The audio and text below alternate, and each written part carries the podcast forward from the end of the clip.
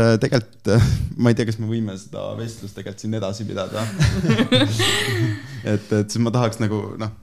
nagu isegi arendaks seda mõtet edasi. Te kuulate Ringjoont.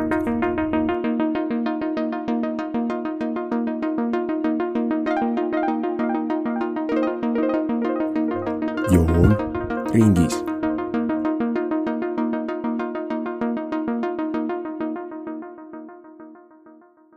tere taas, kallid Ringjoone kuulajad. alanud on kahe tuhande kahekümne kolmanda aasta kevadsemester Tartu Ülikoolis ja sellega koos ka Ringjoone uus hooaeg. pärast pikka talvepuhkust saame nüüd uue hoo ja värske pilguga taaskord pöörata pilgu maailmas toimuvale ja arutleda selle üle, mis toimub siis laias maailmas. kuigi meie lähimas naabruses oli kahe tuhande kahekümne teiselt aastalt üleminek kahe tuhande kahekümne kolmandale ohvriterohke Ukraina jaoks siis samuti on üleminek olnud kurvastav meist geograafilisemalt kaugemal asuvas Iisraelis ja Palestiinas.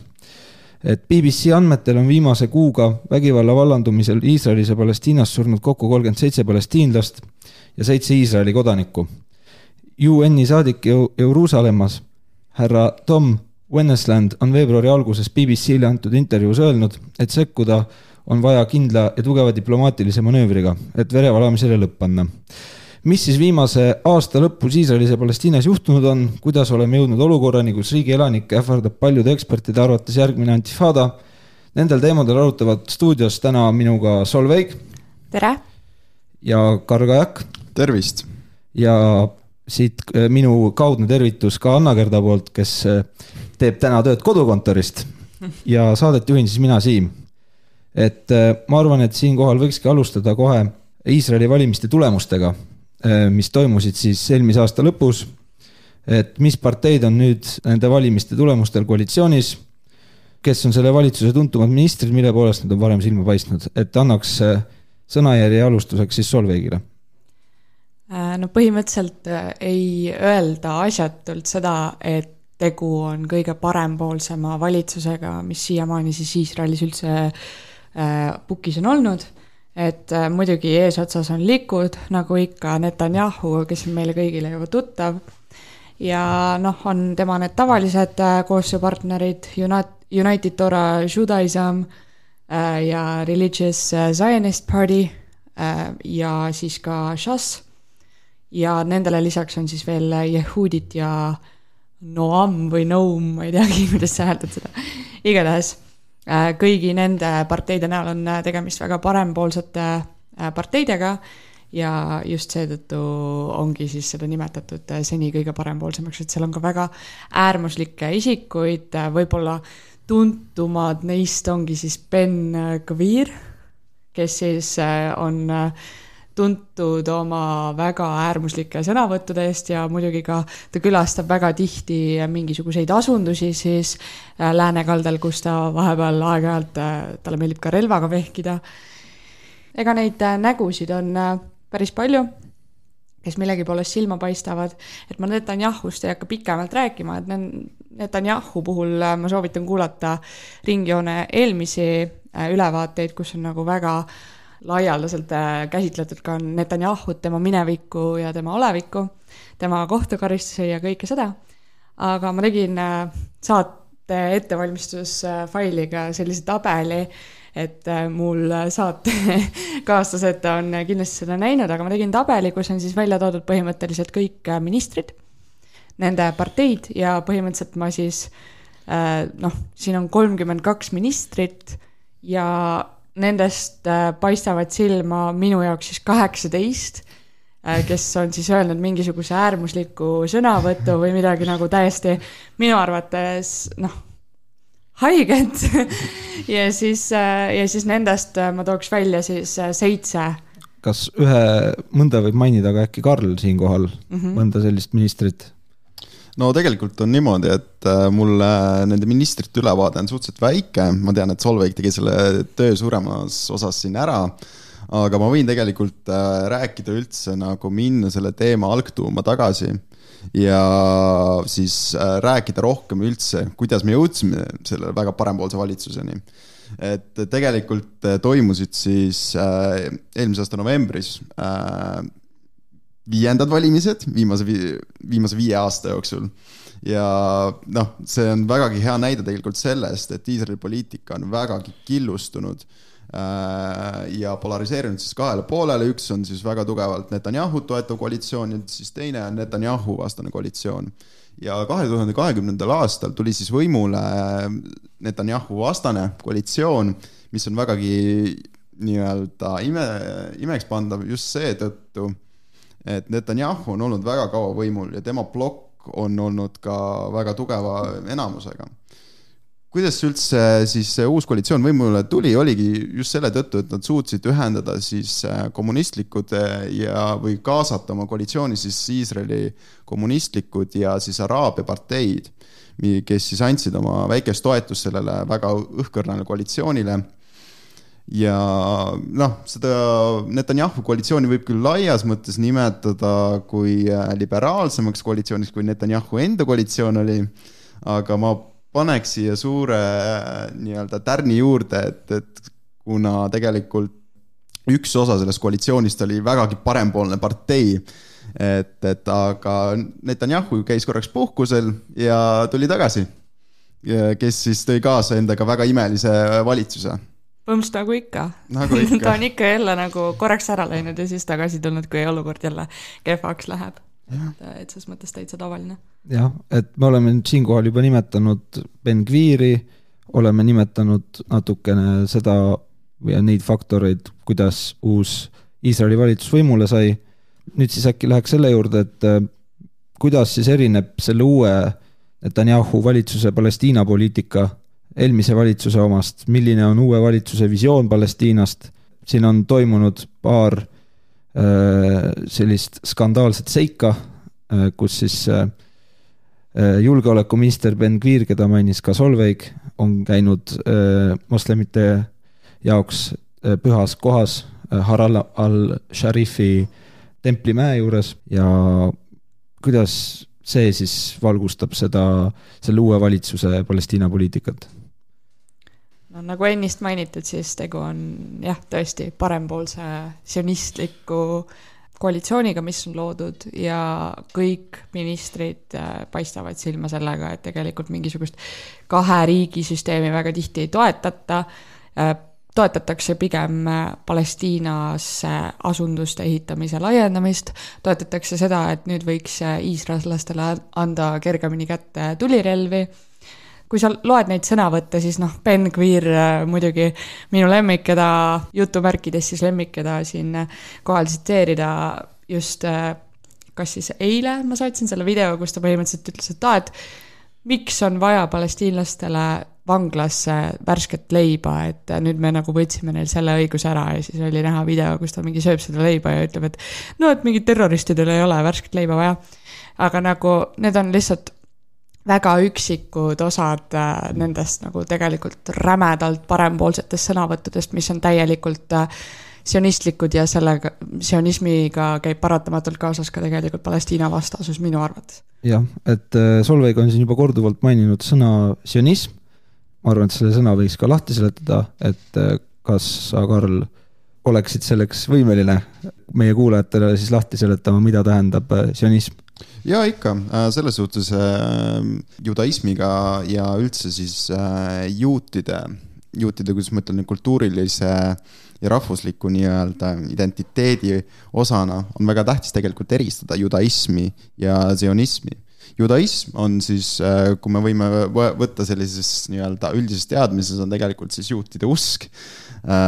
millest ma arvan, et see saate teema väga ei lähe, aga sionism selles suhtes väga konkreetselt läheb. sionism on siis uskumus, et juutidel peab olema koduriik, oma kodumaa. ja Iisrael on siis selle idee manifestatsioon äh, siis olnud äh, tuhande üheksakümne neljandatest aastatest alates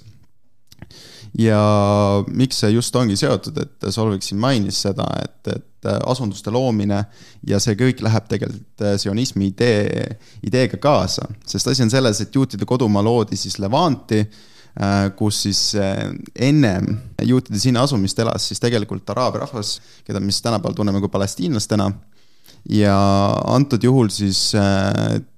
kaasnes sellega vägagi suur konflikt, sest tegelikult see piirkond jaotati kaheks äh, juutide poolt siis valitsetud piirkonnaks ja palestiinlaste poolt valitsetud piirkonnaks. et äh, ja mis on siis kogu tegelikult selle konflikti nagu läte. ja see on muidugi ka ajaloos olnud hästi Äh, polariseerunud küsimus, see sionismi küsimus, et äh, vahepeal äh, ÜRO toetab seda, vahepeal on täielikult selle vastu. Ja siis on inimesi, kes ütlevad, et sionismi vastasus võrdub antisemitismiga. Ja siis on see teine koolkond, kes ütleb, et sionism tegelikult võrdleb, võrdub rassismi ja kolonialismiga, et, et seal on nagu väga-väga polariseerunud vaated selle sionismi mõiste ümber ja ma just tahan ka siinkohal mainida, et miks just äh, valiti see piirkond, ongi seetõttu, et see on vägagi tugevate äh, religioossete siis sugemetega, et kus siis Vanas Testamendis on siis kogu see piirkond tegelikult siis see Iisraeli tänapäevane ala äh, lubatud juutidele. aga probleem on selles, et, et see piirkond siis Iisraeli loomisel jaotati siis tegelikult kaheks ja miks Iisrael siis ongi nende asumaad, miks Iisrael siis tegelikult üldse loob neid asumaid ongi seetõttu, et ta näeb seda ala, mis palestiinlaste käes praegust on, et see on nende jumala poolt lubatud maa ja nende tegelikult juutide eluline ülesanne ongi see maa endale tagasi saada. selge, see oli nüüd väga pikk ja põhjalik ülevaade sionismist ja ka Iisraeli riigi tekkest natuke, aga ikkagi keskenduks siis äh, viimast, viimase aja olukordadele ja natuke võib-olla puudutaksin seda Ben Gviri templimäe külastust, et miks see sihukese püha paiga külastamine, mida võivad ju külastada kõik rahvad, kõik etnosed, kõik eh, erinevate usundite esindajad, miks see nii palju, nii suurt furoori tekitas nii rahvusvahelisel tasandil kui ka Iisraeli enda eh, riigisisesel tasandil?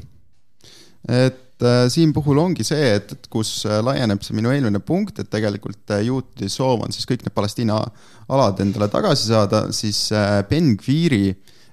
visiit Templimäele, mis siis tegelikult ei asu veel siis nagu juutide nii-öelda halduse all, näitabki kogu Araabia maailma, kogu moslemimaailma seda, et Iisrael tahab seda ala tagasi ja mis väga naljakal ja tegelikult siis äh, noh, ka mõnes mõttes kurval kombel on see Templimägi vägagi suure religioosse tähendusega mitmetele religioonidele. noh, rääkimata kristlusest, mis siis tegelikult saab, on Vanast Testamendist oma sugemed saanud siis äh, äh, judaismist, aga moslemitele, kelle, kelle jaoks on siis see Templimägi üks pühakohtadest, kui juudid võtaksid selle üle, siis ei oleks enam äh, moslemite käes seda püha paika. ma arvan, et siinkohal tuleks teha oluline eristus äh, sellepärast, et Iisraeli-Palestiina situatsioon on ülimalt delikaatne, ma arvan, et me ei räägi, kui me mainime sõna juudid, siis ma arvan, et seda ei tohiks kasutada terve äh, Äh, terve juudi kogukonna kohta Iisraelis, vaid pigem mainida just nimelt, mõelda selle all just nimelt praeguse valitsuse ministreid, praeguse valitsuse toetajaid, just nimelt neid radikaalsemaid, religioossemaid, religioossemaid juute, mitte tervet, ma arvan, Iisraeli juudi kogukonda. No point ongi ju selles see, et, et see Ben-Gviri külastus näitabki moslemitele seda, et juudid tahavad seda üle võtta, see ei tegelikult loomulikult ei räägi kõikide juutidest maailmas, aga miks see on äh, hästi delikaatne selline külastus teha, sest äh, kakskümmend aastat tagasi tegelikult algas sellest ka intifada. ma võib-olla tegelikult nõustuksin siinkohal Siimuga ja ma ei nimetaks neid äh, niivõrd, nii palju siis juutideks, kuivõrd sionistideks jällegi aga minu arvates see, külastus on väga palju seotud äh, Ben Gviri enda isikuga. Äh, tegu on ääretult äh, provokatiivse inimesega, kes on olnud tegelikult ka osa organisatsioonidest, mis isegi Iisrael on nimetanud nagu terroristlikeks ja tema üks äh, põhiline ülesanne või tema üks põhiline eesmärk ongi siis põhimõtteliselt araablaste täielikult Iisraelist väljasaatmine. ja ta isegi ei erista siinkohal neid araablasi, kes elavad praeguse Palestiina pinnal, vaid ta tegelikult räägib ka nendest araablastest, kes on näiteks äh, siis loonud poliitilisi ühendusi Iisraelis, kes elavad Iisraeli pinnal, kes on Iisraeli kodanikud. tema nagu siinkohal seda eristust ei tee araablaste vahel, et tema jaoks nagu need araablased tuleks äh, ses mõttes nagu kõik välja viia, et ta on ääretult äh, siis juudi natsionalistlik, kui niimoodi saab öelda. nii, nüüd meil on, ütleme, selge pilt ühest selle valitsuse ministrist, selle valitsuse poliitikast, mis puudutab palestiinlasi ja ma arvan, et siinkohal olekski paslik edasi minna jaanuarikuu põhiliste võtmesündmuste juurde, millest võib-olla siin Eestimaal elades oleme natuke kõrvale jäänud. kuidas siis see konflikt, mis praeguseni on nõudnud kolmekümne viie palestiinlase elu ja ka seitsme iisraellase elu, ei maksa ka seda pisiasja unustada. et kuidas see konflikt on siis eskaleerunud, et millised on need põhilised võtmesündmused siis, millest võiks, võiks kõneleda? Ma siinkohal nimetaks enda arvates siis kahte kõige olulisemat, äh, millest siis põhimõtteliselt eskaleerus edasi ka teisi ääretult vägivaldseid äh, tulevahetusi, aga ma nimetaks siis kõigepealt ära äh, see, mis toimus, selle, mis toimus Jeeninis et Jeninis siis põhimõtteliselt leidis aset iisraellaste operatsioon, kus väidetavalt üritati siis kinni nabida islamistliku džihaadi võitlejaid ja selle operatsiooni käigus äh, sai siis kokkuvõttes surma, osad nendest surid vigastustesse, äh, kümme inimest, et sai surma ka tsiviilisikuid nende hulgas, et kindlasti ei, ei saa siin rääkida sellest, et kõik need, need kümme inimest, kes surma said, olid siis äh, islamistliku džihaadi võitlejad, ei olnud. ja sellest päev hiljem tegelikult leidis aset siis rünnak sünagoogidele Ida-Jeruusalemmas kahekümne seitsmendal jaanuaril siis, kus siis äh, üks kahekümne ühe aastane palestiinlasest äh, mees äh, tulistas siis viit inimest, seitset inimest, ta hakkas nagu umbes kontrollimatult hakkas tulistama Al, alguses sai vist surma viis ja hiljem lisandus neid ohvreid veelgi. et kokkuvõtteks siis seitse inimest ja selle tagajärjel on, lubas Netanyahu võtta väga lubas väga tugevalt reageerida, mis põhimõtteliselt tähendas siis seda, et äh, kollektiivne karistus kõigile selle terroristi äh, perekonnaliikmetele ja, ja siis oli ka tulevahetus kahekümne seitsmendal äh, jaanuaril Gazaga, et Iisrael siis äh, lasi Gazasse kuus raketti. Jah, väga hästi lahti võetud sündmuste kokkuvõte, et võib-olla Karli käest ma küsiksin nii palju äh, siia vestlusele juurde, et sina kui äh, ikkagi juuratudeng meil siin, eks ole. kuivõrd äh, õigustatud on äh, Iisraeli kaitsejõudude poolt korraldatud reidid läänekalda põgenikelaagrisse, teades, et seal põgenikelaagrites varjatakse siiski nii lääne kui ka Iisraeli poolt terrorirühmituseks tembeldatud islamistliku džihaadi või isegi mitte tembeldatud, tembeldatud annaks sellele sõnale niisuguse negatiivse varjundi, aga noh, määratud äh, Äh, islamistliku džihaadi võitlejad, et kui nad on seal põgenikelaagris tegutsevad, siis, siis kuivõrd äh, ütleme, rahvusvahelise õiguse või ka üldse üldõiguse tasemel on see õigustatud Iisraeli sekkumine siis? et ma siinkohal siis mainin juurde, et äh, siiski olen ma oma juurateadmiste osas vägagi siis juure tasemel et, et võib-olla mõned asjad, mis ma ütlen, ei ole nii tõetruud, aga ma lähtun sellest äh, uurimistööst, mis mina olen siis teinud äh, antud olukorras. Iisraeli ja Palestiina teema üldiselt rahvusvahelise õiguse vaadates on vägagi keeruline, ma ei saa öelda siin ühest äh, siis konkreetset vastust, et mis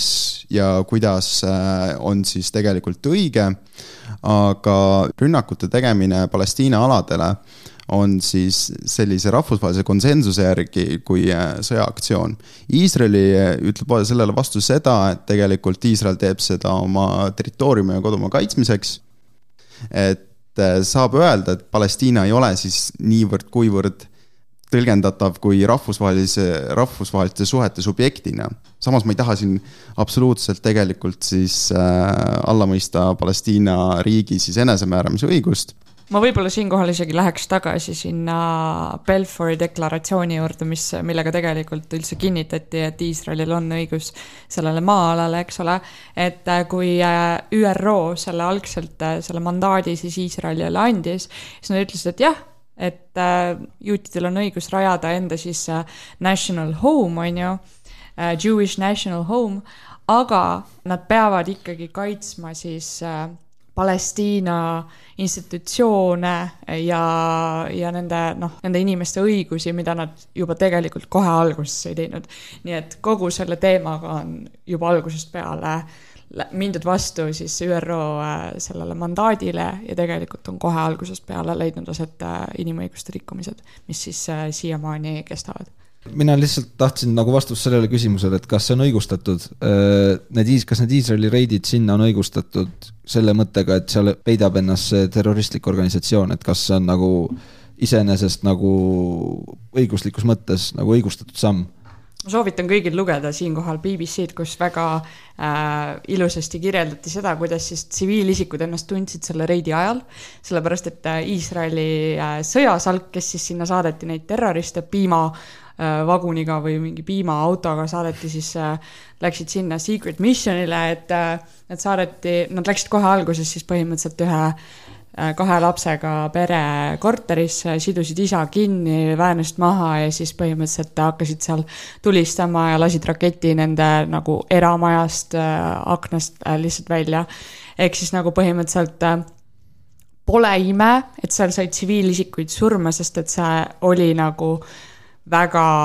lihtsalt tsiviilisikute keskel läbi viidud operatsioon Uh, miks sellele küsimusele on väga raske nagu head vastust anda, sest asi on selles, et sellele konkreetset vastust uh, ei olegi, on lihtsalt see, mida üks osapool arvab, mida teine osapool arvab ja üks osapool rakendab oma nii-öelda arvamust lihtsalt ka reaalsesse maailma. et uh, antud juhul siis tegelikult on niimoodi, et rahvusvahelise, rahvusvahelises mõistes on tegelikult tekkinud konsensus. Need reidid ei ole õigustatud, need on äh, siis äh, teise riigi illegaalse okupatsiooni, illegaalselt okupeeritud siis aladele äh, tehtud siis sõjarünnakud Iisrael ei näe seda nii, Iisrael näeb seda kui oma turvalisuse ja siis koduriigi kaitsmise põhjendusel tehtud nii-öelda kaitserünnakutena, et siis äh, vältida Iisraeli kodumaale tegelikult siis sõjategevuse laienemist või sõjategevuse tekkimist, oleks väga palju parem öelda. Ja ma olen täiesti kindel, et sellele aitas kaasa see, et nad lasid äh, siis äh, pisargaasi haiglatesse ja tulistasid neid kiirabiautosid. Et tegelikult ma ei tea, kas me võime seda vestlust tegelikult siin edasi pidada. Et, et siis ma tahaks nagu noh, ma nagu isegi arendaks seda mõtet edasi. aga võtame siis äkki selle sündmuse, mis äh, tekitas nagu furoori, äh, seesamune raketivahetus äh, Gazaga. et miks üldse Iisrael tulistas Gazasse kuus raketti ja tabati siis sõjalisi sihtmärke, see oli siis kahekümne kuuendal jaanuaril pärast seda Jenini reidi ja samal päeval siis, kui toimus see sünagoogi et äh, miks äh, Iisrael saatis kuus äh, raketti Gazasse? no ma ütleks, et Iisrael lasi Gazasse kuus raketti sellepärast, et Gaza avas tulevahetuse nende vastu. ja noh, nende tulevahetustega kipub olema see, et Iisrael alati ka vastab. aga noh, jah, ma ei, ma ei oska siin nagu väga pikalt sellest rääkida, sellepärast et need on kahjuks väga tavalised, et selles, et äh, need, äh, mingi raketivahetus toimus, ei ole kahjuks mitte midagi mhm. harukordset. et äh, pigem võib-olla võiks pikemalt rääkida sellest sünagoogi rünnakust. sünagoogi rünnakust ka kindlasti. jah, et ma natukene nagu lugesin erinevaid väljaandeid, mis selle kohta rääkisid ja siis ma kaevasin kuskilt välja selle isiku, kes, kes siis neid inimesi seal tulistama hakkas. ja põhimõtteliselt leidsin selle, et Äh, tegu oli siis inimesega, kelle kaheksateistaastane vend oli paar päeva varem nagu äh, maha lastud Iisraeli jõudude poolt, et äh, öeldi umbes, et tal oli püss käes, tegelikult tal oli vist mingi mängupüss, mis on muidugi noh, jah, kehv asi, mida kaasas kanda, kui sa tead, et sul on nagu okupatsioonivõim, kes, äh, kes laseb isegi noh inimesi, kes pilluvad kivisid, lasevad nagu neid maha. see on halb asi, mida kaasas kanda, aga nagu põhimõtteliselt tal oli siis väga suur isiklik story selle vahel. ja põhimõtteliselt mitte ükski terroristlik organisatsioon selle eest vastutust ei võtnud, et põhimõtteliselt mulle vähemalt jäi mulje kõikidest nendest allikatest, mida ma lugesin, et see tulistaja siis äh, see nägi välja nagu selline kättemaksu aktsioon. et äh, tagantjärele jah, kiideti väga palju takka seda ja tagantjärele vist olid isegi mingisugused äh, heameeleavaldused Palestiina aladel selle toetuseks, et oo, kõva vend, vaata, et lasi inimesi maha, mida ma kindlasti heaks ei kiida. aga, aga jah, tagajärjeks on siis väga-väga ulatuslikud kari-, karistusmeetmed nii äh, üldiselt Palestiina vastu, kui siis ka just nimelt selle tulistaja pere ja, ja noh, siinkohal ma arvan, võikski ära mainida, et seda tulistamist ei mõistnud hukka ka PLO Äh, otseselt. Äh, nii et see tekitas ka Araabia maailmas niisugust kõva furoori. minu arust neid Janini seda tulevahetust, seda nagu rahvusvaheline maailm vähemasti ei mõistnud nii hullult hukka, kui seda terroristi tulevahetus siis seal Iisraelis, et sellega ma mõtlesin selle peale, et miks, miks kogu aeg nagu on niimoodi, et neid Iisraeli neid sõjaväeaktsioone või, või siis ka äh, asunduste, asunike aktsioone ei kajastata väga ja ma arvan, et sellega, selles on tegu lihtsalt sellega, et kui sa loed seda meediat, lääne meediat eriti, mis siis kajastab neid sündmusi, siis Palestiinat nimetatakse alati terroristideks. Nagu Palestiina inimesi nimetatakse alati terroristideks ja nagu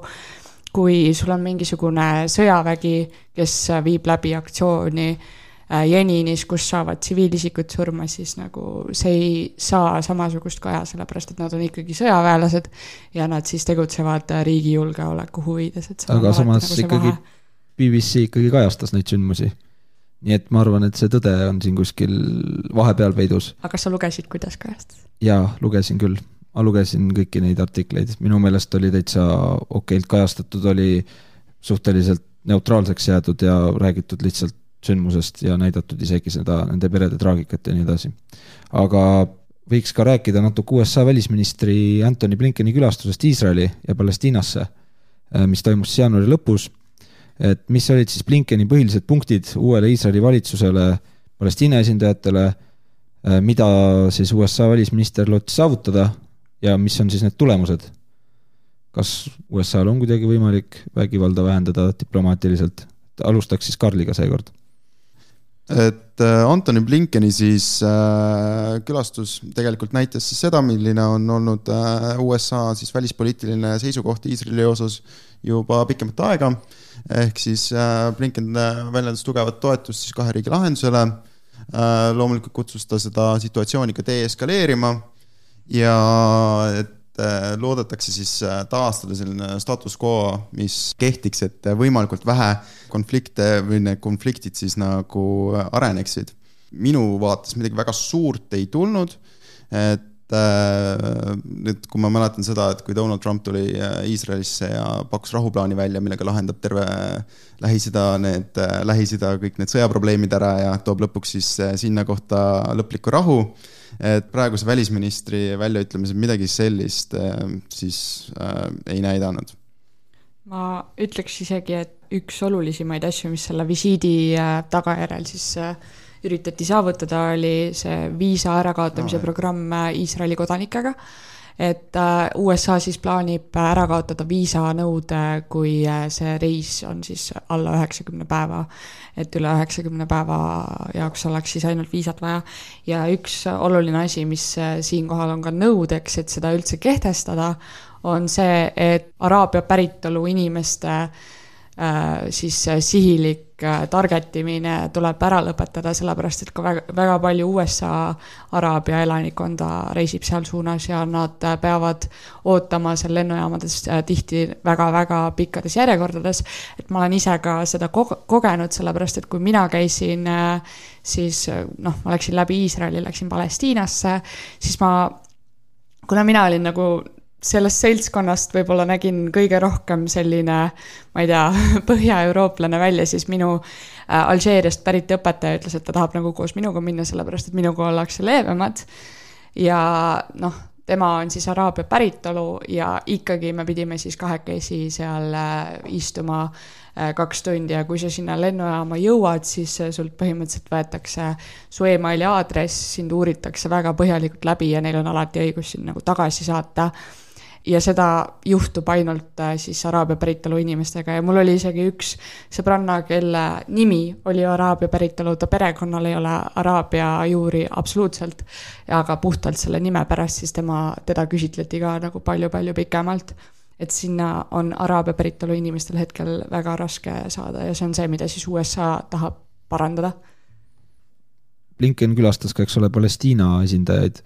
et äh, mis äh, tema sõnum siis Palestiina esindajatele oli? ma ütleks, et nagu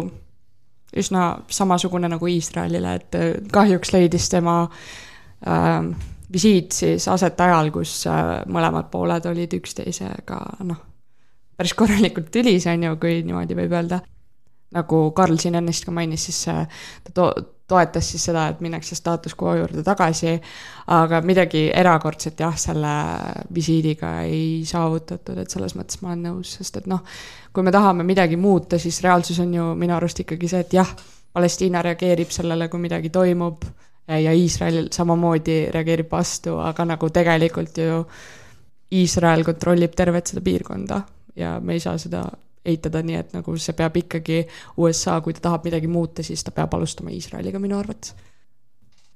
liikudes siis edasi, et äh, ma sattusin vaatama Deutsche Welle salvestatud Conflict Zone intervjuud, kus rääkis siis Palestiina esindaja UK-s, ma ta nime täpselt peast ei mäleta, aga siis sellest intervjuust intervjueerija tõi välja mõned Palestiina puhul olulised näitajad näiteks äh, seitsekümmend neli palestiinlast, protsenti palestiinlastest soovib hetkel valitsuse lahkumist, äh, rahvastiku toetus on suurenenud militaarsetele organisatsioonidele nagu islamistlik džihaad, Nabluse brigaad, Dubassi brigaad,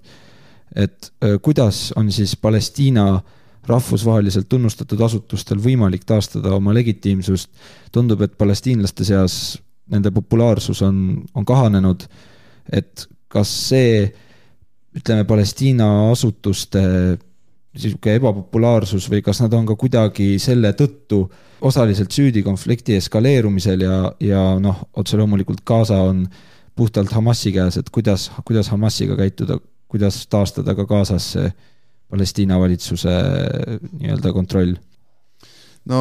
väga raske küsimus, millele on ka väga raske vastust leida, aga eks probleem seisneb, selle probleemi tuum seisneb peamiselt tegelikult selles, et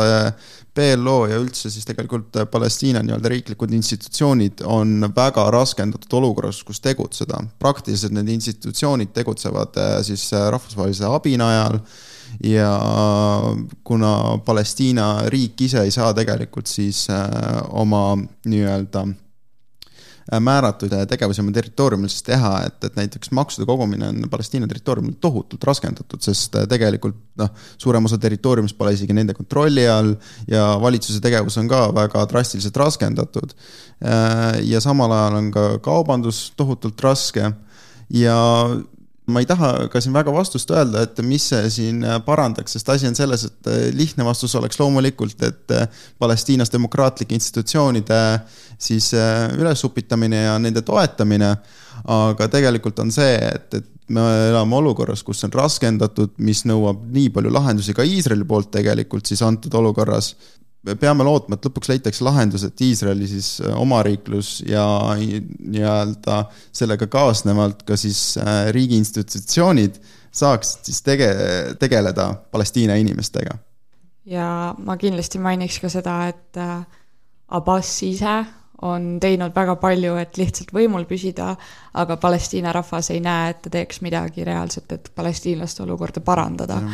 ja seetõttu tegelikult on väga palju inimesi, kes tegelikult teoorias toetaks Hamast pigem kui Fatah, äh, mis on siis kaks põhilist parteid, Hamas ja Fatah. ja nad pigem isegi toetaks Hamasi puhtalt sellepärast, et nende arvates Hamas vähemalt teeb midagi. Nende tegutsemisviis on terroristlik, aga nagu vähemalt nad hakkavad vastu sellele, et äh, Iisrael äh, Äh, süüdimatult käib äh, Palestiina aladel ringi, nad hakkavad vastu sellele, et äh, nad lihtsalt nagu ehitavad asundusi ja seinu ette üksteise vahele ja nii edasi. et nagu väga paljude palestiinlaste arvates tegelikult nagu Fatah ja Abbas ise nagu nad ei tee mitte midagi, nad lihtsalt on võimul et äh, ja ma pe- pean siin nagu selles suhtes äh, nõustuma, et selle Palestiina ja PLO nagu nende institutsioonide siis väga halva tegevuse tõttu inimesed näevadki neid väga radikaalsed ja ma julgen ka öelda, väga halbu lahendusi. et need reaalselt me oleme proovinud, et meil diplomaatiline lahendus ei tundu Palestiina tavainimese jaoks töötavat ja nad näevad, et relvastatud konflikt eh, ja siis pidev provotseerimine, et see tegelikult aitab lahenduseni jõudmiseni ja minu arvates nagu see, mis Jeninis juhtus, on tegelikult väga hea illustratsioon sellest, kuidas noored hakkavad uuesti radikaliseeruma. et eh, kui vahepeal Iisrael nägi väga palju vaeva, et kõiki neid eh, äärmuslikumaid inimesi siis kinni pidada, vangi pista või, või siis nagu mingite operatsioonide käigus maha lasta et kui vahepeal äh, jäi äh, lausa mulje, et läänekaldal äh, terrorism on noh, peaaegu et nullilähedane, on ju, et ei ole enam neid inimesi, kes siis vastu hakkaks, siis nüüd on see radikaliseerumine hakanud uuesti toimuma ja Jenin on just väga hea näide sellest, kuidas need inimesed on hakanud ka noh, grupeeringuid moodustama. Aga vaatamata Palestiina asutuste hambutule tegevusele kodumaal on siis Palestiina esindajate tegevus ÜRO-s minu meelest äh, vääriline äramainimisele. nimelt hääletati siis äh, detsembri lõpus ÜRO Peaassambleel Palestiinale kasuliku resolutsiooni poolt ja sellega seoses Iisrael on siis Palestiina autoriteedile kehtestanud äh, karmimad sanktsioonid. et mida see detsembri lõpuks heaks kiidetud resolutsioon endast täpsemalt kujutas ja kes olid põhilised poolthääletajad, vastuhääletajad ja mis siis, mis siis toimus põhiline vastuhääletaja oli Eesti Vabariik ja ka Saksamaa Föderatiivne Vabariik. et äh, noh, ses mõttes, äh, et põhimõtteliselt selle resolutsiooni tagajärjel siis pannakse, pandi hääletusele see, et kas rahvusvahelisele kohtule peaks ette näitama ne, selle, mis Iisrael on teinud ja et siis nagu jäetaks rahvusvahelise kohtu otsustada see, äh, kas Iisrael on siis inimõiguste rikkuja ja, ja ma tean, et Karl oskab sellest kindlasti pikemalt rääkida. noh, Karl, valgusta meid äh, no selles suhtes, no me jõuame sinna vana hea teemani tagasi, et Palestiina tegelikult ei ole siis äh, ÜRO-s äh, tunnustatud riigina, mistõttu ma mainin siia juurde, et Palestiinal on siis, siis vaatleja nii-öelda staatus praegust ÜRO-s, aga ta ei ole nagu otseselt tunnustatud riigina ja seetõttu on ka mitmed siis äh, juriidiliselt vaadates naljakad asjad, et näiteks ongi, et äh, UN-i äh, sinna on UN Refugee Agency, jah et selle jurisdiktsiooni näiteks ei kuulu Palestiina pagulased, sest Palestiina ei ole tegelikult siis rahvusvahelistes suhetes siis kui nagu äh, võrdne võrdne subjekt teiste siis ÜRO poolt tunnustatud riikidega. Ma ei ütleks isegi, et see on sellepärast, et ta ei ole võrdne subjekt, ma ütleks, et see nende Palestiina pagulaste abi loodi ÜRO poolt eraldiseisvalt just seetõttu, et muidu ei oleks saanud üldse Palestiina pagulastega tegeleda, sellepärast et noh, Iisrael ei oleks ju saanud neile lubada näiteks right to return'i ja nii edasi. Nad olid nagu algusest peale tegelikult väga eristaatusega. jah, et kogu aeg on olnud tegelikult Palestiina rahval ja Palestiina riigil siis olnud äh, eristaatus, mis siis äh, tegelikult on teinud siis kogu selle olukorra, nende inimeste olukorra väga, väga, väga raskeks. Nagu ma arvan, et me vist jõuame sinna saates ka natuke hiljem, aga point on selles see, et, et ÜRO resolutsioonid lõppkokkuvõttes praeguses võtmes, mille need siis ÜRO resolutsioonid on vastu võetud, tegelikult nagu äh, tegelikke sanktsioone ei kehti, need ei ole vägagi nii-öelda siduvad, siduvad siis rahvusvahelise õiguse mõistes, et nad on pigem sellised järjekordsed poliitilised deklaratsioonid, mida peaks tegema, mida võiks teha ja mis on õige ja mis on vale. Ja kindlasti peab ära mainima siinkohal ka Iisraeli suure sõbra USA, kes on ühtlasi ka siis UN Security Councilis ja kes tublisti on tuhande üheksasaja neljakümne kaheksandast aastast alates vetostanud kõike, mida siis äh, Äh, rahvusvaheline kogukond arvab, et Iisrael teeb valesti. siin juba kõlas, et äh, Eesti hääletas selle resolutsiooni vastu, aga kuidas siis Eesti üldse antud olukorras reageerida saaks, sest USA on ka meie suur sõber, et kui palju on Eestil siis tegelikult tegutsemise manöövrit Iisraeli-Palestiina küsimustes? Eesti ei ole kunagi olnud Palestiina sõber. Eesti jaoks on Iisrael olnud äh, üks oluline tegelikult ju kaubanduspartner ja nii edasi. et äh, see on võib-olla loogiline samm, et vahepeal mulle jääb mulje, et Eesti puhul on rohkem küsimus selles, et äkki peaks hoopis äh, meie saatkonna Iisraelis siis Jeruusalemma panema, aga kahjuks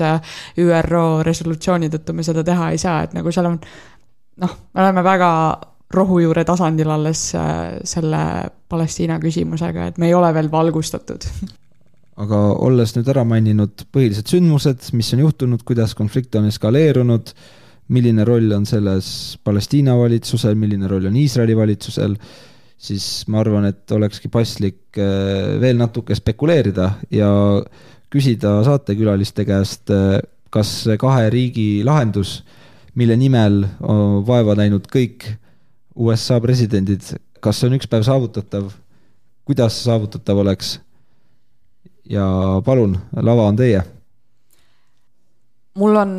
tunne, et ei Palestiinal ega Iisraelil tegelikult, ükskõik kui palju nad seda väidavad, et Netanyahu võttis just hiljuti sõnu, et sõna, et äh, jaa, et võiks olla küll kahe riigi lahendus, aga ainult siis, kui meie militaarvõim käib siis Iisra- äh,, Palestiinast üle, eks ole. et nagu minu arvates seal on väga vähe tegelikult mõlemal pool seda tahet seda kahe riigi süsteemi luua, et palestiinlased siiamaani unistavad tegelikult sellest, et iisraellased lähevad äh, tagasi sinna, kust nad tulid ja et nad saavad oma esivanemate kodu tagasi, et kui ma seal elasin, siis oli ka tegelikult äh, igal pool on need äh, sümbolid, et Palestiinas on väga suureks sümboliks näiteks võti ja võti sümboliseerib siis seda, et äh, nad lähevad kunagi tagasi siis oma kodudesse ja saavad esiukse uuesti noh, lukust lahti keerata, kuigi need äh, esivanemate kodud on muidugi ammu hävitatud. aga ma ütleks ka seda, et äh, Palestiinal ei ole neid vahendeid, et seda teha, Palestiinal ei olegi olnud minu arvates neid vahendeid, et üldse mingisugusest tagasiminekust rääkida, et üldse mingisugusest sõjalisest üleolekust rääkida, et Palestiinal ei ole neid vahendeid. Iisraelil on need vahendid ja on ka USA toetus ja USA saab väga hõlpsasti siis ka ÜRO Julgeolekunõukogus siis põhimõtteliselt vetostada kõike, mis siis nende arvates pärsib Iisraeli tegevust ja nüüd üks oluline vetopunkt, mis siis äh, Iisraeli enda süsteemis äh, eksisteerib. Nende ülemkohus on siis ka praeguse valitsuse liikmete suurel tungival soovil siis äh, seal on ees ootamas mõned muudatused, mis muudaksid siis ülemkohtu valitsusest sõlt-, sõltuvaks, mis noh, põhimõtteliselt tähendab seda, et tavaline enamus valitsuses suudaks siis ümber lükata ülemkohtu otsuseid ja sellega koos siis äh, tegelikult ka igasugused asunduste rajamised, igasugused äh, Palestiinaga seotud küsimused, need saab lihtsalt ümber pöörata, kui, äh, kui nagu oletame, et ülemkohus otsustab, et nii, see ei ole õige või mida iganes, et valitsusel oleks ülemvõim ja sellega seoses olid ka Iisraeli inimesed tänaval, sest et nad ütlesid, et see on surm demokraatiale no,. äkki jah, nüüd võtaks Karli arvamuse ka olukorrast no põhimõtteliselt see esimene küsimus, kas äh, kahe riigi lahendus on siis üks päev tegelikult saavutatav. ma tahan, ma tahan väga, et see oleks, mina siiralt usun, et kahe riigi lahendus on see, et mis nagu suudaks mõlemat rahvast nagu rahus hoida ja mis suudaks tagada tegelikult siis selle, et väga palju inimesi ei, ei saaks surma, et sõjategevus ei, ei laieneks probleem on lihtsalt selles, et eh, ma ei oska näha tulevikus seda, et, et kuidas kahe riigi lahendust nagu tegelikult siis töötavana hoida. sest eh, noh, Iisrael soovib laieneda Palestiina aladele, Palestiina äh, samamoodi soovib äh, siis Iisraeli tegevusele nagu vastu hakata äh,, olles sellega väga, selle, selle vastu siis ka vahetevahel ka väga vägivaldne. Ja tegelikult õiget ja valet poolt siit otsida on äh, raske, aga noh, ma arvan, et, et üks asi tegelikult, mis peaks tulema, on see, et, et rahvusvaheliselt tekiks siis tegelikult mingi sanktsioonivõime Iisraeli vastu, et, et Iisraeli vähemalt siis nagu inimõiguste vastased teod Palestiina aladelt lõpeksid. Ja see on nagu üks tähtsamaid asju, et see selline reaalselt sanktsioneeriv võim oleks Iisraeli vastu olemas. Aga selle tulek, nagu Solvik enne mainis, äh, on vägagi raskendatud just seetõttu, et Iisraeli taga on USA, Iisraeli taga on terve läänemaailm ja, ja Palestiina taga on küll Araabia maad ja mitmed teised, aga see või, jõud ei ole võrreldavgi tegelikult siis sellele, mis Iisraelil on. Rääkides sellest kohtureformist, selle algtuumaks on tegelikult see, et, et Iisraelil ei ole kodifitseeritud põhiseadust nagu Eestis on, neil, sa ei saa võtta ühte raamatut kätte, põhiseadus. seal on nagu kõik riigi siis nii-öelda äh, aluspõhimõtted ja alus siis äh, normiaktid nagu välja toodud, vaid äh, Iisraelil on kogum selliseid nii-öelda konstitutsioonilisi seaduseid, mis on siis võetud algselt Iisraeli parlamendi poolt vastu ja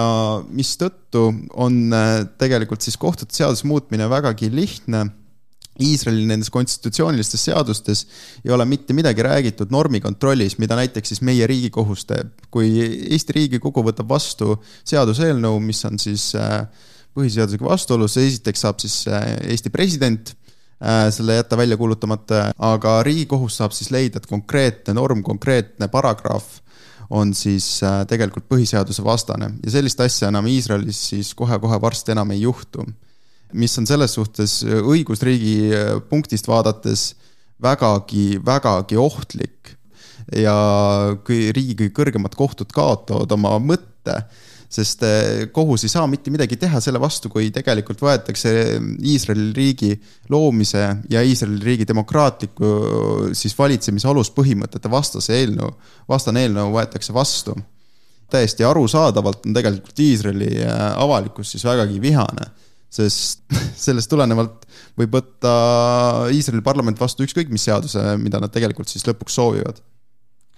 Võib-olla lõpetaksin selle saate sellise mõttega,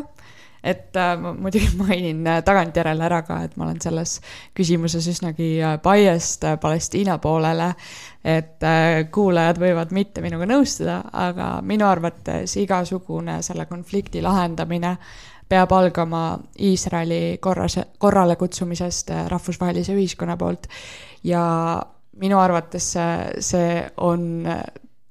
sedamoodi just sellepärast, et kui me räägime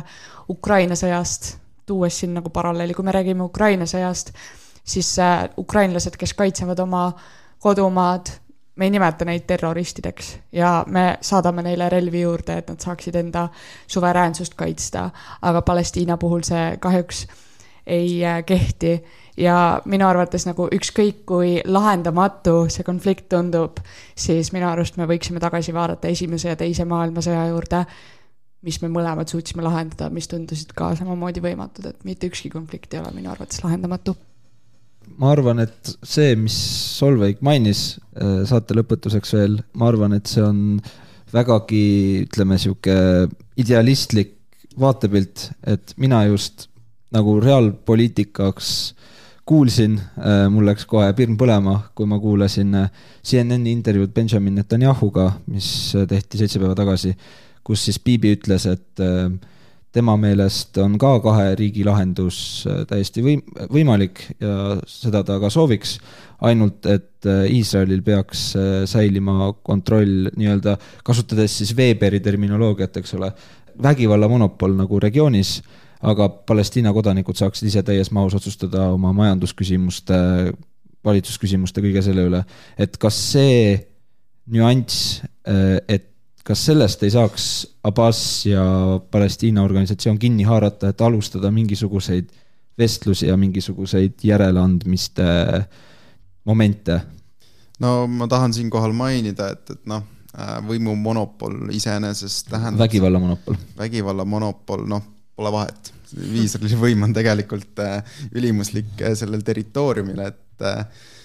probleem seisneb selles see, et Palestiina suveräänsuse üks kõige tähtsamaid nagu aspekte ehk siis kontroll oma territooriumi üle on tegelikult antud lahendusega siis täielikult ära võetud.